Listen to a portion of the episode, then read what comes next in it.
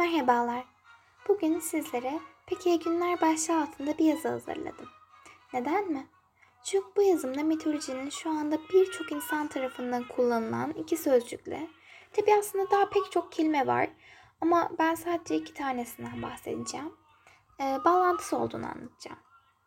Öncelikle bu kelimeler İngilizce sözcükler. Biliyorsunuz eskiden inanılan tanrı ve tanrıçaların ismi, onurlandırma veya anma amacıyla birçok nesneye veya soyut kavrama, zaman dilimlerine ve benzeri şeylere verilmiş. Bizim kelimelerimizde günler. İngilizce dilindeki çarşamba ve perşembe anlamlarına gelen Wednesday ve Thursday. Bir zamanlar bir grup insan Odin adlı tanrıya Woodin dermiş.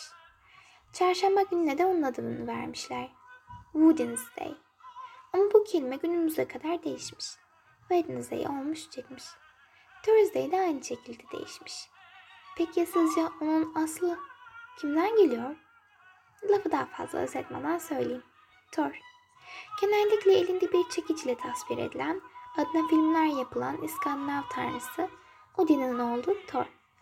Bu yazımda mitolojinin günümüzü nasıl etkilediğine dair birçok örnek verdim. Umarım beğenmişsinizdir. Bir sonraki yazımda görüşmek üzere.